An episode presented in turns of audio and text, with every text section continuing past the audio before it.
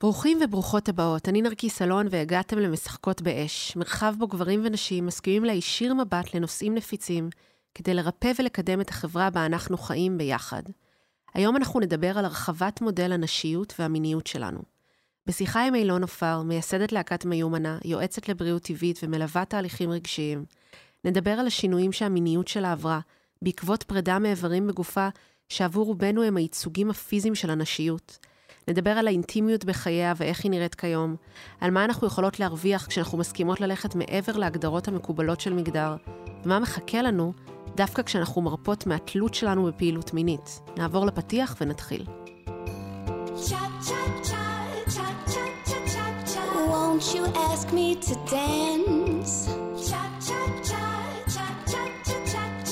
Over here and take my hand. Say you like me, better count the ways. Side to side, move your hips one, two, three. טוב, אז אילון עפר היא הרבה דברים, יזמית, ימנית, היא הקימה את להקת מיומנה, כתבה מחזות זמר לילדים, בעברה הייתה עיתונאית, וכיום היא גם יועצת לבריאות טבעית ומלווה תהליכים רגשיים. יותר מהכל, היא חברה שלי והשראה ענקית בחיי ובחיי אנשים רבים. בשנתיים האחרונות, אחרי שהתמודדה בשנית עם סרטן השד, היא החליטה לכרות את שדיה ולא לעבור שחזור לבנייה מחודשת שלהם. מאז היא הפכה להיות השראה בעולם עבור אנשים רבים, הופיעה על שערים, הרצתה על במות, ומובילה שיח גלובלי על שינוי והרחבת מודל היופי והמיניות. היי אילון, מה קורה? היי. היית מרוצה מאיך שהצגתי אותך? כן. למרות שזה תמיד, זה... מיומנה הקמתי ועשיתי, וזה 20 שנה מהחיים שלי, זה מפעל אה, חיים, ואז כל פעם שאני שומעת שזה הופך להיות מין דבר קטנצ'י כזה, אה, זה מכווץ אותי. אולי כי זה משהו שכל כך אהבתי. כן, אבל זה באמת, אה, ב big trajectory של החיים שלך, זה, זה עוד דבר. נכון, זה, זה כן. עבודה שלי לעשות עם זה. כן, אבל תארי לך, הייתי עושה, אילון עפר הקימה את להקת מיומנה. זה גם היה מכווץ אותך. זה היה נורא. זהו, בדיוק, היית מתה פה. זה היה נורא. אז uh, אני ממש ממש שמחה שאת פה, זה ממש מרגש אותי. Uh, היום אנחנו נדבר על הרחבת מודל הנשיות והמיניות שלנו, דרך השינויים שאת עברת בשנים האחרונות. עכשיו, הרבה מדובר בשיח על להשתחרר מהכבלים האלו של המיניות הנשית הצרה, שאנחנו קשורות אליה בשלשלאות, גם בגלל ההתניות של החברה לגבי מי מותר לנו להיות, שגורמות לנו לפספס חלק גדול ממי שאנחנו יכולות להיות, וגם בגלל שכנשים אין לנו ברירה, כי אנחנו עוברות כל כך הרבה שינויים, בין אם זה לידות, קבלת מחזור, גיל המעבר, שבמילא אנחנו חייבות להתמסר לשינוי וללמוד לחגוג כל שלב. עכשיו, את עברת את השיעור הזה פחות או יותר על ספידים, אה, והוא התחיל עוד אה, לפני הכריתה, כשהוצאת את השחלות. אז את יכולה רגע לספר לנו על השלב שבו הוצאת את השחלות, עוד לפני השינוי שאנחנו נתרכז בו היום. אז אני אקדים לגיל 33. אמ, אני קודם כל רוצה להגיד שההתמודדות שלי עם סרטן שד היא גם, היא חלק ממה שעברתי, לא משהו שמגדיר אותי, אה, אבל אנחנו ניגע בזה כיוון שזה בעצם הסיבה שהוצאתי את השחלות, כי אני נשאית של BRCA1, שזה הגן הזה שאנג'לינה ג'ולי הביאה לכותרות. שאם את נשאית של הגן הזה, אז יש איזה 80 אחוז לחלות בסרטן שד, וזה גם אחוזים מטורפים של אה, סרטן השחלות. בעצם בגיל 33 אובחנתי בסרטן שד, אז הדבר הראשון שעושים זה אומרים לך, אה, ah, סרטן שד, את בת 33, אוקיי, בוא נתחיל ב-IVF. אז, אז כן, אז הדבר הראשון שעשיתי זה היה הזרקות של הורמונים. ו... ושאיבה, ואחרי זה כל מה שקשור ל... לזה. והדבר הבא שעושים זה, אה, וואו, היית סופר הורמונלית, עכשיו נפסיק לך את כל הפעילות ההורמונלית כדי בעצם להגן על השחלות שלך בזמן שעושים כימו. אז בעצם ההפסקה הראשונה שלי של ההורמונים היו, כשהייתי בת 33. מה זה אומר הפסקה של הורמונים?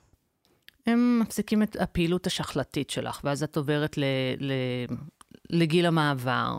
פשוט בגיל 33. בגיל 33. אז אני עברתי את זה לשנתיים, והבנתי המון על עצמי בשנתיים האלה. אני חושבת שה, שהחוויה הזאת של גיל הבלוטי הייתה הרבה יותר uh, קשה לי מכל התמודדות אחרת שעברתי דרכה. שאת יודעת, הייתי עם קרחת, עברתי ניתוחים, עברתי הקרנות, כימו והכול, ודבר שהיה הכי קשה לי להתמודד איתו זה גלי חום כל הלילה, ומין תחושה שאני אורחת לא רצויה בתוך הגוף שלי.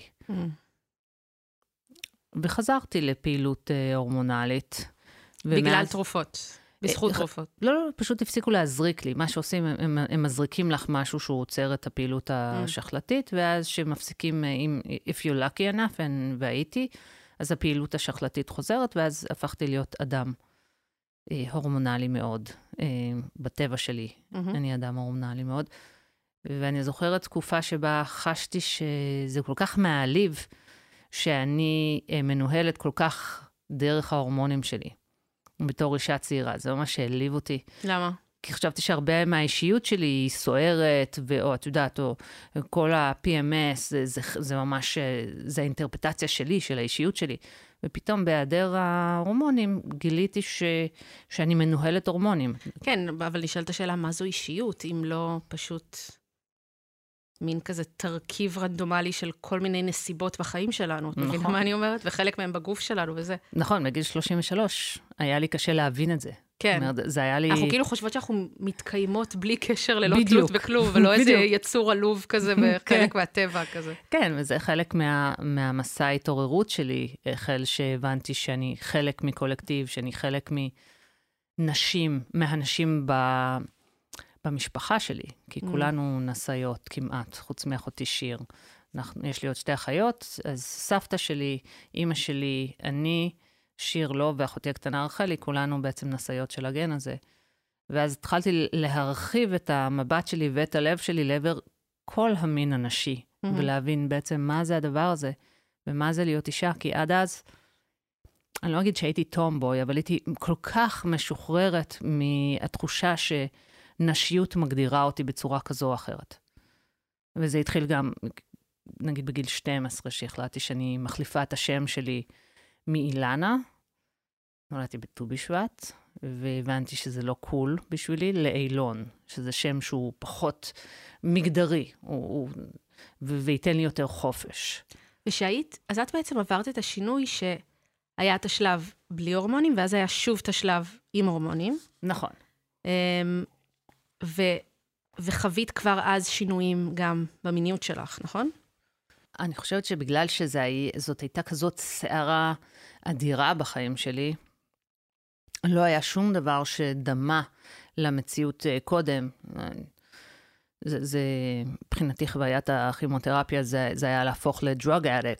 אני אף פעם לא אה, הייתי מחוברת לתרופות, את יודעת, אף פעם לא לקחתי אנטיביוטיקה, לא שום דבר, כאילו נגד, ואז פתאום את לוקחת כמות מטורפת של המון דברים.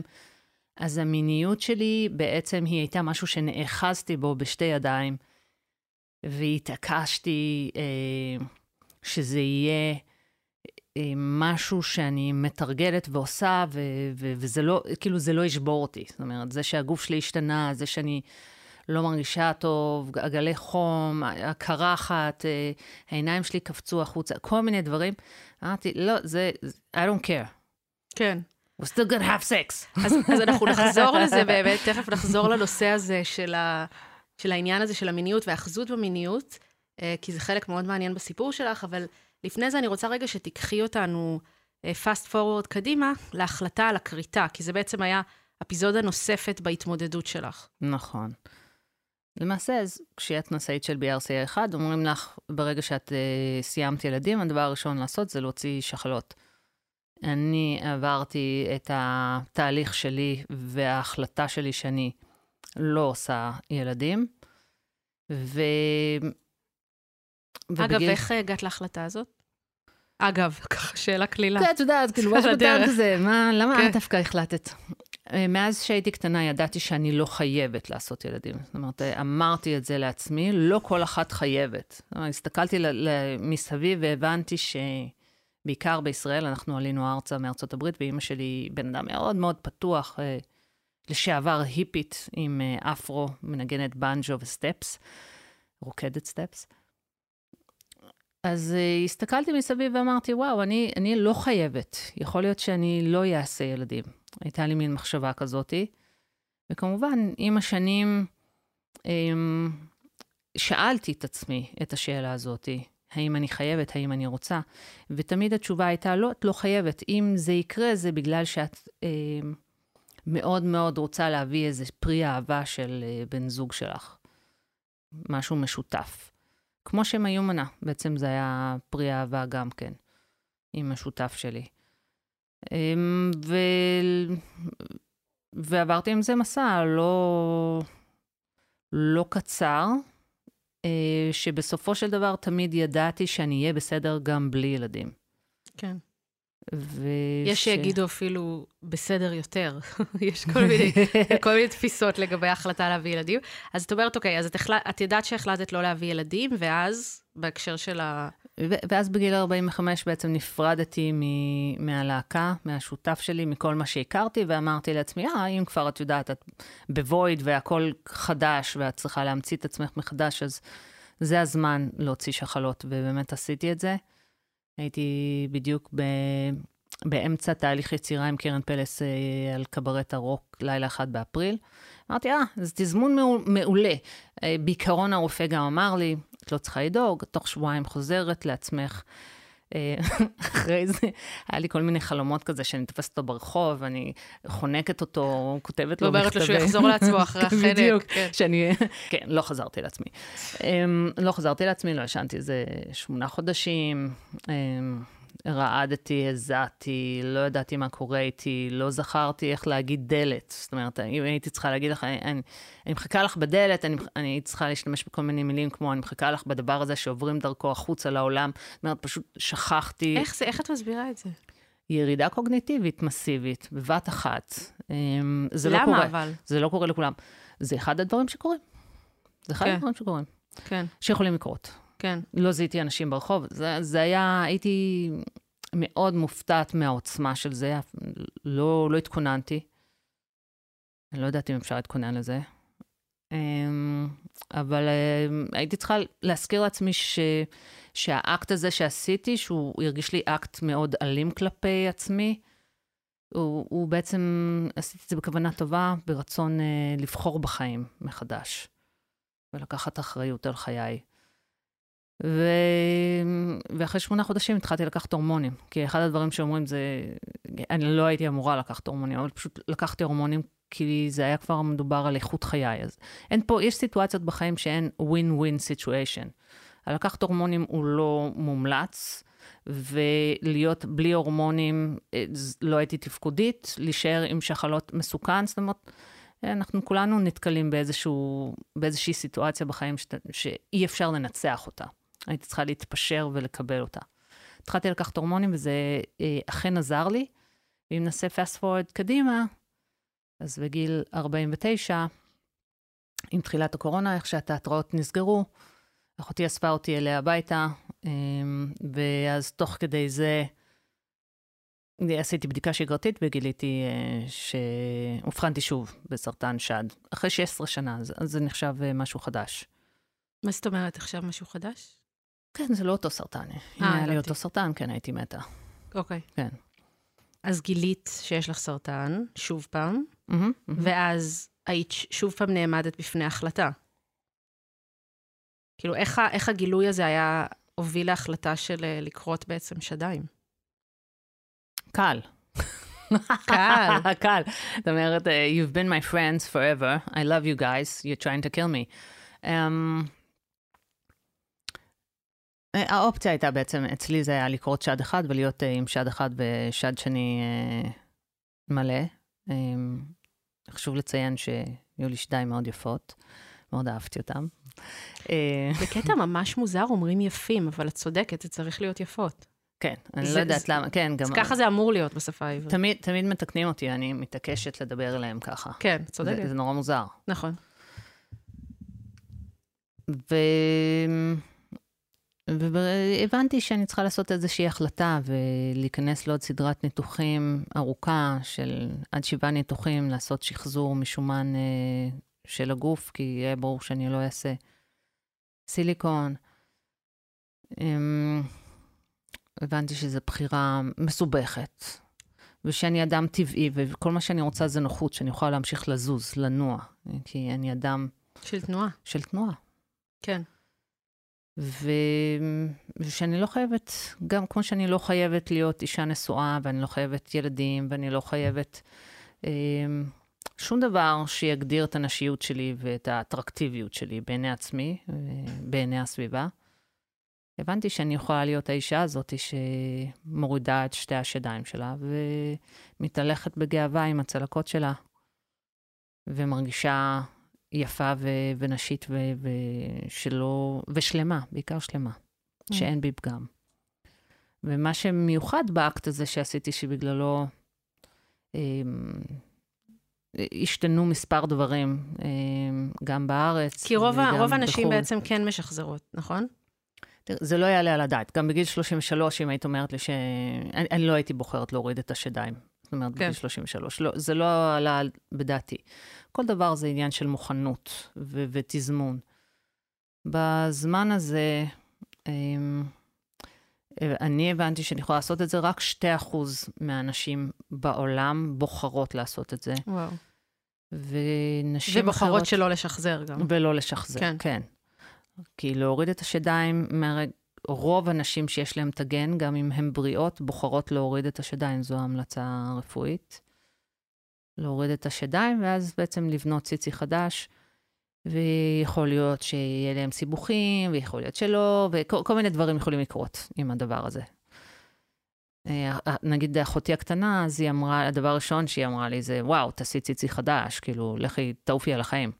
זה מצחיק להגיד, תעופי על החיים שלך, תעשי ציצי חדש. כן, תתחדשי וציצי חדש. כן. אבל חשוב לציין שזה, הציצי חדש זה, זה לא שיישארו פטמות, זה לא שהן נראות כאילו וואו, זה לפעמים יותר קשה להחזיק את השד, שהוא נראה כמו שד, אבל הוא לא שד אמיתי, מפשוט להוריד את השדיים.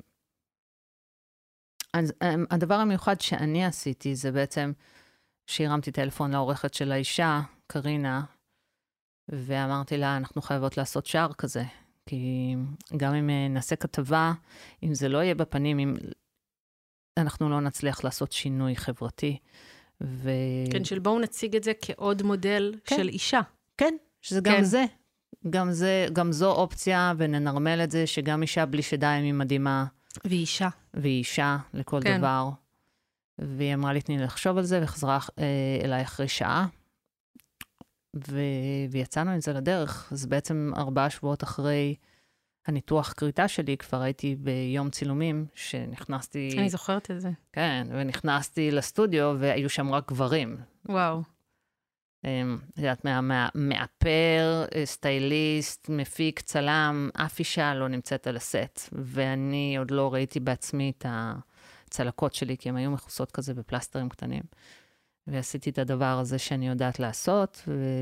ומאז אני משתמשת בזה, ופשוט הורדתי ישר את החולצה ואמרתי, בואו נעשה משהו יפה. וואו. שמתי מוזיקה, וכולנו רקדנו ושברנו כזה את הקרח, ובאמת יצא מהמם. את אחד הדברים שסיפרת לי זה שיש מונח שרופאים טבעו שקוראים לו אפקט אילון. את יכולה לספר לנו על זה רגע? אפקט אילון זה אומר שהיום זה, זה, זה באסה, אני מרגישה שזה באסה לדבר על זה, אבל אמ, אם אישה אובחנה בסרטן שד, אז היום היא יודעת להגיד לכירוק שלה שיש אופציה כזאת שלא לשחזר, והיא רוצה לדבר על זה. כי הם לא מציעים.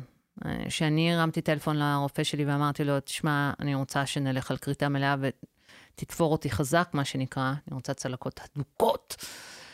הוא אמר לי, לא, אבל את תתחרתי על זה, ואני לא ממליץ לך, וזה נורא קיצוני, ובלה בלה בלה. אז בעצם הז'רגון אפקט אילון זה שהמטופלת באה ומציעה ומרגיעה את הרופא בבחירה הזאת. תגידי, היום שאת חיה בלי השדיים שלך, את מרגישה געגוע אליהם לפעמים? בדיוק אמרתי, אמ, אנחנו נגיע לזה, אבל אה, יש לי אהבה חדשה, והוא כזה חפן אותי, הוא שם את הידיים שלו איפה שהשדיים שלי, ויכולתי ממש להרגיש אותם. אה, ואמרתי לו, יא, אני... כמו פנטום כזה. לא פנטום, אלא את התחושה הזאת, זה כמו שאת תזכרי את החיבוק הזה שאלון שם עליך שאת בהיריון, ואת יכולה לדמיין את הרגע הזה, כי, כי הייתה לך את הבטן הזאת, נגיד. אז אצלי זה, הוא שם את הידיים איפה שיש ידיים, ו, וזה נורא מוכר שבן זוג מחבק אותך ומחזיק לך את הציצים. ואמרתי, יא, אני מתגעגעת לציצים שלי, זה פתאום העלה לי את זה, והוא אמר, well, אני לא מתגעגע אליהם, אני לא הכרתי אותם. כן. אבל באיזה דברים, באיזה סיטואציות את מרגישה היעדר חזה, אם בכלל? אני עדיין מחפשת את הסטייל שלי, אני מאוד אוהבת אה, אה, להתלבש. ואחד מהתהליכים שעברתי בהתחלה הם, הם תחושה שאני אנדרוגנית. אני גם חושבת שהעולם הולך למקום הזה, תמיד ידעתי. חד משמעית, כן. זה העתיד שלנו, ה-updated man and woman זה... לגמרי. ה-man and woman ביחד. אז הרגשתי man and woman כן. לחלוטין. כבר לפני. לא, איך שהורדתי אותם, איך שיצאתי. זה עשה לי כזה, וואו. אני אנדרוגינוס. וואו, כן. אני מין יצור קליים מגניב. כן. וחיבקתי את עצמי בזה, זה, אהבתי את זה ממש. ועם הזמן, את יודעת, זה היה מין כמו התפכחות כזאת, הבנתי שפתאום יש בגדים שנראים פחות טוב, כשנבשתי טישרט אני נראית כחושה. כל מיני דברים. אגב, אבל זה גם קשור לדווקא אמ, עוול של תעשיית האופנה, שפשוט לא מעצבת דברים ואפשרויות אנדרוגניות במידה מסוימת. תחשבי על זה שכל העולם של המטאוורס שאנחנו, חלקנו ניכנס אליו אה, עוד כמה שנים, אה, מי שיבחר בכך, אז uh, אני חושבת שזה ייתן לנו עוד מגוון רחב של צורות ביטוי ונראות על הספקטרום הזה של המגדר. לחלוטין. אני מוצאת שאני קונאת, אני קונאת היום. אני מוצאת שאני נכנסת לחנויות ומודדת בגדי גברים, אני אוהבת ג'קטים היום, כמו שלא אהבתי, חולצות מכופתרות, אז אני כן משלבת את זה, נגיד, עם uh, טייצים, ונקרא לזה לוק uh, נוגה ארז, שהיא גנבה ממני. כן. אבל uh, כן, אני אוהבת את זה. Um...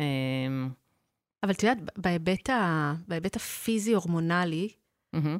את הרגשת אחרי ההסרה גם אה, אפקטים חזקים כמו שהיה אחרי הסרת שחלות? אוקיי. Okay. איך נעשה שזה לא יהיה מדכא לכל אחת לחשוב על uh, גיל המעבר ואיך היא הולכת לעבור דברים נוראים כאישה? למה? כי כל הדברים שעברת, כולן הולכות לעבור, חלקה, אה, נשים הולכות לעבור בגיל המעבר? אם היית, אם היית שומעת פודקאסט כזה אה, על כמה קשה להתמודד עם גיל, גיל המעבר, אז אה, היית חושבת שאת צריכה להספיק מהר מהר הכל לפני שתמותי. לא, אני, אני שואלת שאלה טכנית יותר, אני אומרת, רגע, האם המשמעות של התופעות לוואי של הורדת שדיים וכריתת שחלות, זה בהכרח הדברים שאני אעבור בגיל המעבר? לא בהכרח, חלק כן, חלק לא, נכון? באופן טבעי, איש, לא, ממש לא. כל, כל אישה עוברת את זה משהו אחרת. משהו אחר, נכון. אחרת, כן, לחלוטין. וגם באמת אפשר להשתמש בהורמונים, בהורמונים גם uh, טבעיים. כן. אותם ניסיתי, לי הם פחות, um, כרגע, פחות רלוונטיים לי. אבל אה, ללא ספק שהייתה לי עוד ירידה, אני לא יודעת אפילו להגיד לך למה, אבל בהיעדר שדיים, כנראה שגם בשדיים יש אסטרוגן, אז הייתה לי עוד ירידה. אמ, ואין אין לזה הובלה בעצם, נקודה. זה, זה, זה חלק מהדברים שהתמודדתי איתם. ואני יודעת שנשים נורא מפחדות מהשמנה, ומפחדות מירידה אה, בחשק מיני. אז בואו נדבר על זה. אחד, לא השמנתי בכלל, אם, אם משהו רזיתי. והדבר השני, בואו נדבר על uh, ירידה בחשק מיני, כי אני חושבת שזה משהו שהוא מעניין, והוא מאפיין הרבה נשים בכל מיני שלבים, ו... וההתייחסות שלי היא דרך חופש, שחרור, מיניות. כי את הרגשת, הרגשת שינוי מסוים ברמת הליבידו שלך בעצם, עם כל שינוי כזה, נכון? את אומרת את זה מאוד בעדינות, זה יפה. אוקיי, לא בעדינות, זה המיניות שלי בטא, בגרסה הלא עדינה. אז אה, מגיל 45, מהרגע שהוצאתי שחלות, נתחיל בזה שאני, אנחנו מכירות אותי, אבל uh, מי ששומע אותנו לא, אני אדם מאוד סוער. Uh, ומאוד יצרי, וגם את הרקדנים שלי הייתי בוחרת אה, לפי מי שמסעיר אותי או מעורר אותי. אה, תשוקתית, זה לא שאני רציתי אה, אותם איתי במיטה, אבל רציתי שכל מי על, אותם על הבמה ירגיש את החיות הזאת שמתעוררת. ואני מאוד פתוחה, אדם מאוד פתוח, ושמחוברת מאוד לגוף שלה. וההגדרה העצמית שלי הייתה קשורה למיניות שלי, כמו כולנו. ובגיל 45, כשהוצאתי את השחלות, הבחנתי שחל שינוי גדול בלבידו שלי, ובעצם אני מתחילה תהליך שאני יכולה לספר שהוא, אני עדיין בתהליך הזה של לשחרר את עצמי מינית, להיות מי שאני, מבלי שזה יפחיד אותי.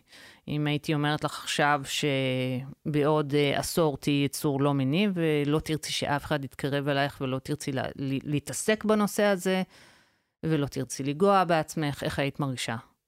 האמת שאני אומרת לך, אמיתי, הייתי מרגישה סקרנות. ואפילו שאני רואה אותך, זה אפילו עוד יותר משחרר פחד, כי נראה לי מה זה כיף לך בחיים. מבינה מה אני אומרת? כן. אני לא רואה אה, מולי איזה דמות אה, אפורה כבויה כזאת שאומרת, אה, אני פשוט, אני, אני מרגישה שהדבר שאת מדברת עליו הוא פשוט שינוי, ושינוי זה דבר מאוד מפחיד. אבל דווקא, להפך, אני יכולה להגיד שאני מכירה את האילון שלה לפני ואחרי, mm-hmm. ואני מרגישה שלאילון שעכשיו הרבה יותר רוקנרול. מבינה מה אני אומרת? עוד יותר רוקנרול. כן, במובן מסוים כן, עוד יותר ב... בגרסה של עצמך של ביטוי ולעוף על החיים, וזו השאלה, שוב, אנחנו צריכות להגדיר פה מה זה מיניות. כי נכון. אם מיניות זה אומר, אני רגילה שאני כמה פעמים ביום מרגישה רטובה, ובא לי עכשיו שהבן זוג שלי ייכנס איתי למיטה, וזאת ההגדרה הצרה שלי למיניות, ואז את אומרת, אה, פתאום אין לי את זה, אני פתאום לא רטובה, אני פתאום לזה, אני לא יודעת.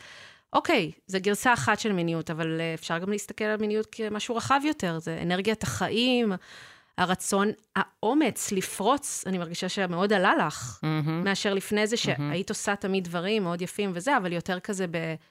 לאט-לאט, צעד כן, את יודעת, כמו רוב בני האדם. זה דווקא. שם אותך באיזה קצב אחר של חיים. ככה זה נראה, מרגיש לי מהצד בהתבוננות עלייך. זה תלוי אם את, את הכרת אותי אה, ש... בתקופת מעבר אחרת. בתקופת מעבר. בדיוק אה, הכרת אותי אחרי שהוצאתי שחלות למעשה, והכרנו כשרציתי לראיין אותך לליידי גלובס. נכון. ובעצם שכנעתי אותך לא, שלא. אבל בואי נהיה חברות. כן. בדיוק. אבל בואי ל-W. כן. כן. וזה שינה את חיי, מאז uh, יש לי חברים חדשים בזכותך. חברות ו... חדשות. חברות חדשות, כן. כן. נכון. אז רגע, אז את אומרת, כשאת מדברת על, על בעצם אה, מוות של מיניות מסוימת שהייתה בך, למה את התכוונת? מה הכוונה אצלך? זה, זה תהליך. קודם כל זה תהליך אה, שהסכמתי לעבור אותו. זה נורא אחר, זה, זה שונה. התחלתי את התהליך הזה עם בן זוג, ואז ההתמודדות היא תמיד של, של שניים, זה לא שלי לבד. שזה הבן זוג שיש לך היום, או היה אחד אחר? לא. אוקיי. Okay. בן זוג שבסופו של דבר החלטתי שאנחנו ניפרד, ואני אצא לדרך שאני יצאתי אליה, ובחרתי לחקור אותה, שהיא דרך אה, ש... שאינה זקוקה לדבר ואף אחד. אה, שחררתי גם את הצורך שלי בזוגיות, ו... או... זה לא, לא בדיוק שחררתי את זה, זה השתחרר ממני באופן טבעי. נשל. זה נשר. וזה כמו שאני אגיד לך שפתאום את אה, לא חייבת לנשום כדי להיות בחיים. את לא צריכה חמצן או את לא צריכה מזון. היה איזה משהו שהוא העיר אותי בחירות הזאת, כן, אני, אני אדם של חופש. פתאום לא הייתי צריכה לכבוש שום דבר, לא הייתי צריכה להיות באהבה ובהתאהבות, כי אם משהו, אז אני מכורה להתאהבות mm. יותר מכל דבר אחר, כי אצלי ביטחון זה לא... ביטחון ויציבות זה משול הרבה פעמים לשעמום ומוות. אז, אז, אז זה יהיה דווקא, כן, המקום הסוער יותר. אז זה בעצם לשחרר את התמכרות ארוכת שנים לריגוש דרך, אדרנלין, אדרופינים, כיבוש וכל הדבר הזה. ולצאת לדרך שבה אני מתאהבת בחיי ללא שום דבר, ללא תלות בדבר וללא תלות המיניות פשוט שינתה את פניה. היא... מצאתי שאני לא נמשכת לנגוע בעצמי אף פעם. אמ, ולפני זה, מן הסתם, זה היה חלק מהחיים שלך.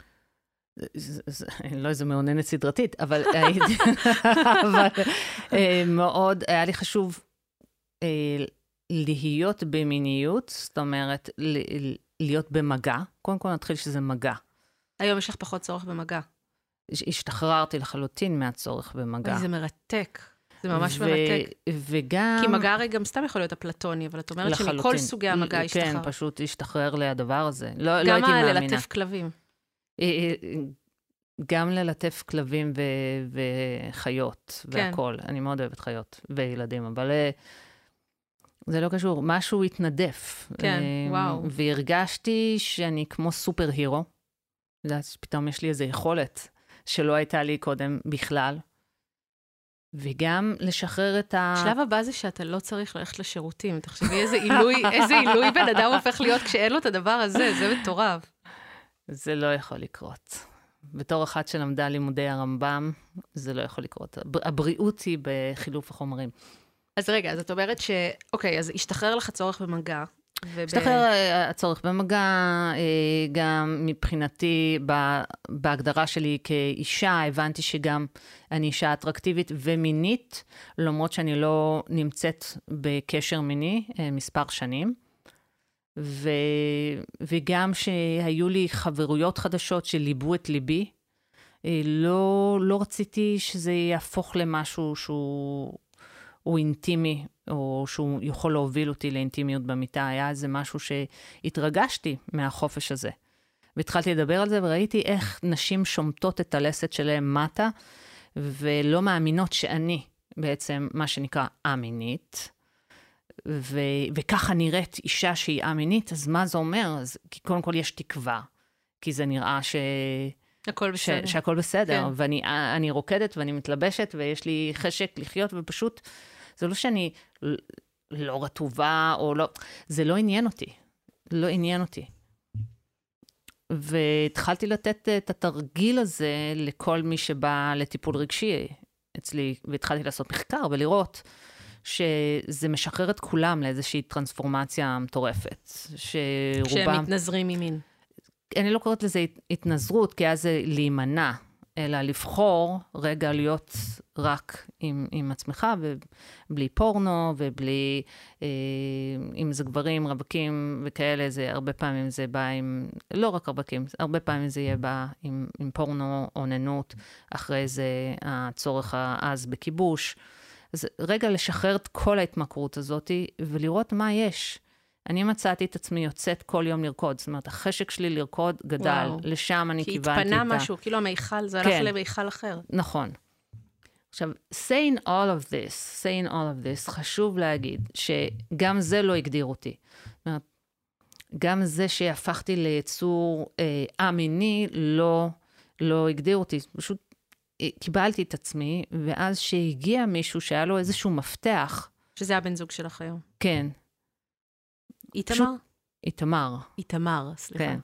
אז ככה אימא שלו קוראת לו. אז פשוט, אה, את יודעת, כל התיאוריה הזאת היא התקמתה, והיא היא הפכה להיות משהו שאוקיי, אז עכשיו לא, אז עכשיו אני משהו אחר. עכשיו אני אבדוק איפה המיניות החדשה שלי, ואיך היא בדיוק. נראית מול הגבר הזה. כן, ומה מצאת? שהיא היא באמת מיניות חדשה.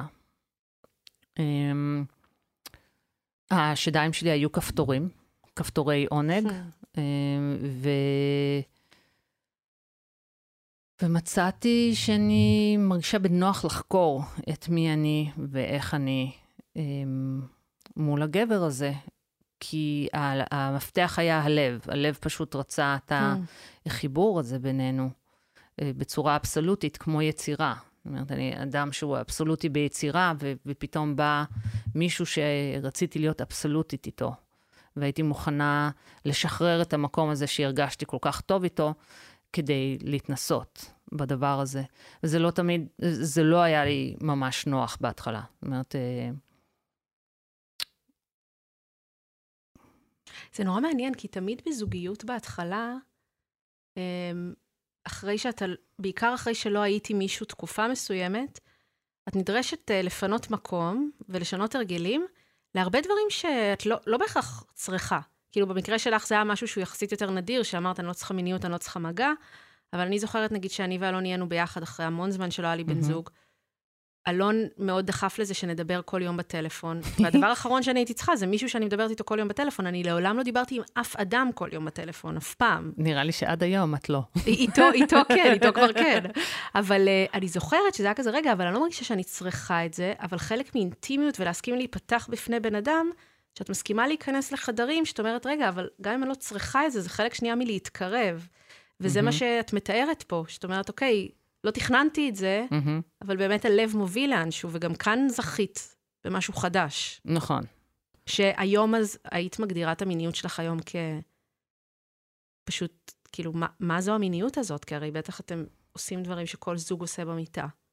אנחנו עושים דברים הרבה יותר אקרובטיים. כן, דברים מאוד מאוד מיוחדים אפילו. את צריכה לראות אותו, כן. כדי להבין. אבל uh, um, המיניות המחודשת שלי, uh, אני מגלה אותה, אוקיי? זה קשר חדש, קודם כל. ואני מגלה עד כמה אה, הגוף שלי מוכן להתגייס לתוך זה, ולא רק הלב שלי. זאת אומרת, אני צריכה לחבר בין השתיים. אנחנו גם אה, מתרגלים נשימות בלי שום קשר, אה, גם אני וגם איתמר. ואני חושבת שהנשימות הן מנוע מאוד חזק לחיבור גם למיניות, לעורר את הקונדוליני, את כל המערכת הזאת, שהרבה פעמים אני מרגישה שהיא פשוט ישנה. Mm. ישנה ונוח לה וכיף לה, היא בשמיכת פוך, mm. ואני רוצה להעיר אותה, אם זה כדי לצאת לחיים, לצאת לעולם, ולאו דווקא כדי לעשות מיניות. אז... Uh, אני מניחה שיש לנו פשוט יותר תקשורת על זה, אנחנו מדברים על זה יותר, ולי חשוב לדבר על, על איך אני מרגישה. וגם כאישה היום בת אה, קרוב ל-51, לתרגל, אה, להיות משהו שלא עשיתי אותו מספר שנים, כ- כמי שאני היום, בלי הזיכרון של מה הייתי. Mm. אז זה גם תרגיל אה, שאני נותנת לעצמי. כן. לשחרר את מי הייתי, לשחרר. בכלל המלצה מעולה לכל, לכולנו בכל רגע נתון. אה, איך הבן זוג שלך, אה, איך החוויה שלו, לעומת אה, נשים אחרות שהוא היה איתן, לא בקטע של טוב או רע, אלא, את יודעת, יש הרגלים מסוימים, ואז פתאום הוא מגיע לחוויה שהיא אחרת, מבחינה אינטימית. הוא אומר שלא הייתה לו חוויה כזאת, שזו חוויה חדשה גם עבורו. אז כיוון שזו חוויה חדשה לשנינו, אז יש משהו נורא בוסרי בדבר הזה, שהוא נורא צנוע. כן. אמ, ו... וגם אם היו לנו התנסויות שהן... שאני הרגשתי פתאום ש... שזה כמעט אלים כלפיי, זאת אומרת, אה, שאני עוד לא שם. זאת אומרת, היה איזה פער בקצב שלנו. ודיברנו על זה ותיאמנו את הקצב, והיום אנחנו יכולים כבר להתפרע, אבל יש משהו בלהיכנס בצניעות למקום שאתה לא יודע איך תרגיש בו. וזה מקום מאוד חשוף, ו... והייתי צריכה להרגיש הרבה ביטחון, אמ, ש... שהוא נתן לי את הביטחון הזה, mm. ואני לקחתי אותו. ואנחנו עדיין שם, אני מרגישה שזה עדיין צעדים. אמ, אני... אני אדע, ככל שהזמן עובר, כמה אני יציבה בתדר הזה, כי אני גם לא יודעת כמה זמן זה יחזיק. נכון. כן, אף אחד מאיתנו לא יודע כלום. לא על הזוגיות, הרצון שלי במגע. Mm, כן. אני לא יודעת. כיוון שהייתי משוחררת מזה כל כך הרבה זמן, אז אני לא יכולה להגיד שאני יודעת לאן זה הולך. כן. את חושבת שקשר אה, זוגי יכול להתקיים גם ללא מגע? קשר זוגי אה, מסוים. יש לי הרבה יחסים מאוד מאוד קרובים עם uh, הגברים בחיי. מי שמקבל אותי זה עסקת חבילה. אני באה עם כמה חברים מאוד טובים, שאני שינה איתם במיטה, ואני גרה אצלם, ואנחנו, אני ואיתמר מבלים את הזמן שלנו אצל חבר ביחד. זאת אומרת, אז הם גברים שאני לא נמצאת איתם באינטימיות, פיזית, והם שותפים שלי לדרך, לחלוטין, גם אם יש להם בת זוג. כן. אבל להיות בזוגיות כזו, ללא מגע, מבחינתי זה... זה, זה אחת משפת האהבות, ואז אנחנו מפספסים איזו שפה שהיא לא תלויה במילים, והיא לא תלויה בעניין משותף, היא תלויה בתקשורת שיש בה המון אינטליגנציה. כן. וזו אינטליגנציה שאפשר לחקור ולהעמיק בה, ו- ואם עובדים על זה, אז לשבור תבניות ולבנות דברים חדשים, וזה כמו אה, ריקוד. כן. וצריך אה, להיות פתוחים ולאהוב את החקירה שם, וזה עולם שלם, אז לא הייתי מאחלת לעצמי להיות בזוגיות ללא מגע. איזה תגובות את מקבלת מנשים או נערות? בטח הרבה כותבות לך על, על המודל הזה שאת מהווה בשנתיים האחרונות. זה התחיל עם זה שחזרתי הביתה אה, בלי הציצים, והשכנה של, של אחותי, היא בת תשע, קוראים לה גאיה, הסתכלה עליי ואמרה לי, את יודעת, את, את הגיבורה שלי. Mm. ואמרתי לה, למה? אז היא אומרת לי, כי את חופשייה, את אדם חופשי, ואת מתהלכת ככה, ו- ורואים שזה לא פגע בכלל ביופי שלך, ואת חופשייה כמו בן. גדול. אז הסתכלתי עליה כזה ואמרתי לה, גאיה, אני חופשייה כמו בת, כן. וגם את. וואו. יש משהו שאנחנו אומרים, חופש, אנחנו חושבים שזה, אנחנו חופשיות להיות בן. בן יכול לעשות מה שהוא רוצה, הוא יכול להוריד את החולצה, הוא יכול להשתין בחוץ בעמידה, כל הדברים האלה שאישה לא יכולה לעשות. אז אני יכולה לספר שלאימא שלי יש את המכשיר הזה, את יודעת שעושים בו פיפי בעמידה? לא. זה מין צינור כזה, כל אחד חייבת את זה. כן, וואו. אז פשוט שמה את זה, ואת משתינה בעמידה בכל וואו, מקום שאת רוצה. וואו, איזו חוויה מעניינת. כן, חייבים. אימא שלי סופר קול. ו... ושיער אה, קצר אה, כבר כל אחת יכולה לעשות. זאת אומרת, אנחנו הולכות ומצמצמות את כל הפערים, ולהפך, אנחנו, יש לנו סופר פאור מטורף, כי אנחנו גם יוצרות חיים בתוכנו, שזה גם נס. גם גברים עכשיו עובדים על להדביק את הפערים, שהם uh, לומדים להשתמש ברגשות ולדבר. גם, גם להרבה גברים יש צרכים שמתאפשרים לנו, שלא מתאפשרים להם. לחלוטין. זה לא תחרות. כל, כן. כל אחד מאיתנו צריך לעשות uh, כן. כן, את העבודה שלנו. אבל בהחלט, גאיה הביאה איתה את כל החברות שלה, ונהפכתי להיות הגורו שלהם. הם עשו לי כזה... Um, תמונה שכתוב שאת אישה שעושה מעשים, את לא רק מדברת, או כל מיני דברים כאלה. וראיתי שזה מחלחל בכל העולם. זאת אומרת, קיבלתי תגובות מנשים צעירות מאוד שכותבות לי באינסטגרם ובפייסבוק, ועושות ציורים ושולחות לי מתנות. בחיים לא קיבלתי כל כך הרבה מתנות כמו בשנה הזאת. אמ, פשוט כהוקרת תודה על זה שאני I'm letting myself shine באותנטיות, בלי להתנצל על דבר, ושזה לבד עושה לכל אחד את השיפט שלה, ואני חושבת שזה משהו שאנחנו כבני אדם צריכים לזכור, כשאנחנו עושים משהו שהוא יוצא דופן, שאנחנו בונים מוסכמה חדשה, לא שוברים דווקא, אלא בונים משהו חדש, אז זה משנה את הסביבה שלנו, וה... וזה מהדהד הרבה יותר רחב ממה שאנחנו יכולים לדמיין. היום יש תמונה שלי תלויה ב... בגלריית מוסררה כאחד מהאנשים שעשו שינוי חברתי מקום המדינה. ואני כזה, וואו, איזה כיף. אני, זאת אומרת, אני סך הכל רציתי להיות חופשייה, סך הכל כן. רציתי um, להוביל את החופש הזה, ו- ושאני לא אצטרך להסביר את הבחירה הזאת הספציפית שאני עשיתי לאף אחד. ולמשל עם איתמר, זה שאנחנו מכירים הרבה לפני שנעשה... אה, האינטימיות נוצרה. זאת אומרת, הוא מכיר אותי עושה אימוני כושר עם כל החברים שלי הבנים, והוא אחד מהם בלי חולצה. זה לא שהוא ראה אותי פעם ראשונה במיטה אה, ואמר, וואו! כן. אני, זה לא, הוא ראה אותי מלא פעמים, הוא פשוט לא ידע אם אפשר לגעת בצלקות. האמת שאני לא ידעתי. זאת אומרת, פעם ראשונה שהוא עבר עליהם, אני ישר התחלתי לבכות. זה הרגיש וואו, לי כזה... וואו, איזה מטורף. אה, כן, לא, לא, לא ידעתי איך להכיל את זה. אני יכולה להתחבר לזה מהמקום של הצלקות אחרי לידה, כשיש אה, תפרים וכאלה, יש שם משהו שהוא נכון. מאוד מרגש, כשמכניסים אותו למעשה אהבה ולאינטימיות, כי כן. זה מצב מאוד מאוד שברירי ופגיע. אמ, רציתי לשאול אותך, כי חלק מזה שבונים מוסכמות חדשות, לפעמים גם מקבלים ביקורת או תגובות שליליות, זה משהו שיצא לך להיתקל בו? תראי, גם כשעשיתי מחוברים, שזה דוקו ריאליטי, אמ, אף פעם לא קראתי טוקבקים, ואני בטוחה ש... אני, אני לא, מה זה בטוחה? אני יודעת, כי אמרו לי בראיונות, נו, אז איך את מתמודדת עם הביקורת? ואת כזה, לא מתמודדת... לא קראתי אותה. איזה ביקורת? מה, יש ביקורת? אני מנסה לא להיכנס לשם, אז כן, אני צריכה את כל הכוחות שלי לעצמי. את יודעת, יש לי אינסטגרם נורא נורא פעיל, ויש לי קרוב ל-30 אלף עוקבים מכל העולם, ו... ומדי פעם מישהי תכתוב לי, כאילו, משהו הכי קשה שקיבלתי זה ממישהי שעוקבת אחריי כבר כמה שנים, שהיא אמרה לי, תעשי לי טובה, שימי חולצה ותתקדמי. יואו, איזה רוע. אני פשוט אה, בשוק שיש אנשים כאלה. אני לא הרגשתי שזה רוע, הרגשתי שהיא מדברת דרך הקול של אימא שלי, גם אימא שלי. אה, היא הייתה רוצה כאילו, יאללה, אה, קדימה, next, next, looking at the watch, כזה, next. וזה נכון, אבל אני הייתי, אני עדיין שמה אחד לכמה תמונות, זו תהיה תמונה שלי בלי חולצה, כי אני יודעת כמה כוח זה נותן לנשים, ואני יודעת מה התגובות, ואני יודעת מה החשיבות של זה, ואני...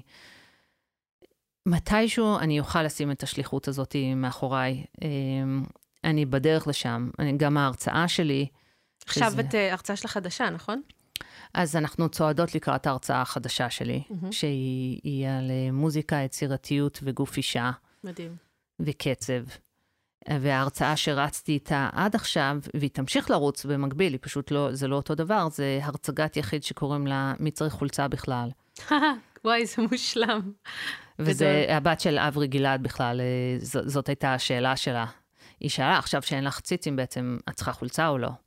ו- והתשובה שלי הייתה, אה, לא, אני לא, צריכה, אני לא צריכה חולצה. לפעמים זה לא מתאים, אבל אני לא, לא צריכה... וגם את אוהבת להתלבש, כמו שאמרת, לפעמים זה חלק מהביטוי שלך בעולם. לחלוטין. כי אני מתייחסת לחיים בכלל כאומנות, ו... אני כיוצרת יוצרת את הפסיפס של חיי, וכך כל אחד מאיתנו. אם נתייחס לעצמנו כיצירת אומנות, אני חושבת שאנחנו ניתן לעצמנו הרבה יותר חופש. לגמרי. יצירה. ומופרעות. אז יודעת, לי יצא להיות בכמה סשנים שהעברת בכל מיני מסגרות, גם ב-W וגם במקומות ש... שאת יצרת. אמ, וזה באמת אה, ממש ממש מדהים להיות תחת מרחב שלך שאת מובילה, בעיקר שזה קשור לנשימה, תנועה וכל הביטוי שלך שם, ובגלל זה רציתי לסיום להזמין אותך אה, לשתף עם המאזינים שלנו איזשהו תרגיל נשימה, או משהו כזה שאת עושה כדי לעורר את האנרגיית חיים, כדי לעורר את הקונדליני הזו שדיברת עליה, האנרגיה הזאת, הדרקון, אה, ש, שלך עוזרת. כל תרגיל כזה, את יכולה לחשוב על זה קצת איך הוא אומר לאורחות. אבל איזשהו כן. תרגיל ש, שאנשים יכולים עכשיו... אה, אני מדמיינת כזה שאנשים מקשיבים לזה באוטו, ועכשיו הם צריכים להתחיל... לא, הם יכולים לחזור לקבץ, לזה. לקבץ כן. את עצמם. נכון, יכולים לחזור. חושבת שיצרתי השנה אה, שפה תנועתית שקוראים לה אפ, ויצרתי אותה עבור עצמי, אה, דווקא בגלל שהייתי בהרבה מקומות נמוכים. זה לא שכל, ש, שאני מתעוררת כל יום happy, happy, joy, joy, אני, אני עובדת על זה. זאת אומרת, זה, זו העבודה שלי. ומצאתי שהחיבור הכי ראשוני, אני, אני לא ממציאה את זה, אבל לנשימה, אה, היא מהירה אה, את הגוף בצורה כזו שהמוח, לא משנה מה הוא מנסה לתת, איזו אינפורמציה שלילית, או אין לי כוח, או אני כבר לא מי שהייתי. אמ, אני כוחות, יש לי ארבעה ילדים, תעזבו אותי באימא שלכם. אז ההתחייבות לנשימה, גם אם היא לפרק זמן מאוד קצר, היא, היא ממש נותנת קונטרה לכל ההתנגדויות שעולות. אז אה, אנחנו יכולים לעשות, אנחנו יכולות לעשות תרגיל נשימה מאוד פשוט, שהוא מלווה בתנועות אה, ידיים. אז הייתי אומרת כף יד לכף יד, אה, שהכף יד היא מתחת לטבור. אנחנו לוקחות נשימה, ואנחנו נותנות תנועה מכוונת לנשימה. מה זאת אומרת? כשאני נושמת, כשאני מתחילה להעלות את הידיים כמו מעלית, שהן נחות עד לאזור החזה, ומשם וקצת מעל ללב. מסובבת אותם החוצה ודוחפת את הידיים עד שהמרפקים ישרים לחלוטין. תוך כדי זה מרוקנת לחלוטין את הנשימה. עם garlic breath, שאומר שאנחנו ממש מנסים להרעיל את השכן. אוקיי. אז בואו ננסה את זה. נוציא קודם כל את האוויר. ובספירה ננסה לגייס גם את אה, קרקעית האגן. אנחנו לוקחות מהאף את הנשימה, מעלות את הנשימה ונותנות לה לעלות עד מעבר ללב, ומוציאות אותה עם הדחיפה של הידיים. ואפשר גם להתרחק עם הגב אחורה ולהתעגל כמו שיא.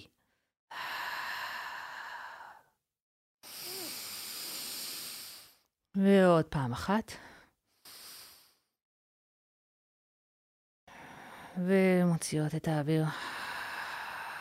הבטן נדבקת לגב כאילו אין גרם ומיליגרם של שומן. מרפות. ועכשיו ניקח את הידיים דווקא מעל הראש, ניישר אותם, וכמו T למעלה, ואנחנו, התנועה היא בעצם תהיה משיכה. אז כפות הידיים פתוחות כמו שמש, ובהוצאת אוויר אנחנו מאגרפות אותם לעבר בתי השחי. ועוד פעם, לוקחות אוויר, צומחות מעלה, עוד פעם אותה תחושה שהבטן נדבקת לגב. אנחנו מתחילות להגביה את עצמנו מעבר למותניים, ואנחנו מתחילות לעשות את זה בפולסים. אז אני אדגים את הקצב, זה יצא... אז הנשימה היא ידיים למעלה, הוצאת אוויר, אנחנו לוקחות את האנרגיה הזאת מהשמיים, לוקחות את זה לעצמנו. אוקיי, אז... ואנחנו מוציאות את האוויר מהפה, ואם אפשר באגרסיביות, אז יוצא...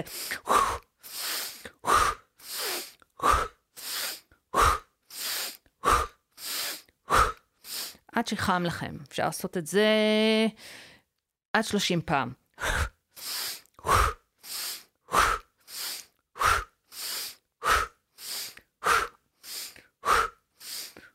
ופעם אחרונה, מוציאות את הכל, ולוקחות נשימה אחת עמוקה, כמו המעלית הזאת, ועוצרות אותה. מחזיקות את הנשימה בפנים. עוצרות נשימה עד שהראש קצת מסתובב. אפשר לתת ללשון ככה לגוע בחך כלפי מעלה, להדק את הטוסיקים, לכווץ את הגוף, mm, ולהרפות. זהו. וואו, אילון, זה מדהים, עשיתי את זה ברקע. וואו. You ask me to dance? Get over here and take my hand. תודה שהייתם איתנו. לתיאור הפרק אני מצרפת קישור להזמנת הספר שלי אישה חיה, שמדבר על תהליך אישי של גילוי המיניות ויחסים בין גברים ונשים, ומגיע גם בגרסת אודיו, שזה ממש כמו להאזין לפודקאסט הזה. תודה רבה לאילון עופר על הרעיון, את השראה מהלכת, את מייצגת את העתיד, ויותר מהכל, את אישה חיה. תודה לאלון עיני על העריכה. אתם מוזמנים להצטרף לקבוצת הפייסבוק שלנו משחקות באש ולהמשיך את הדיון על יחסים, גברים, נשים ומיניות.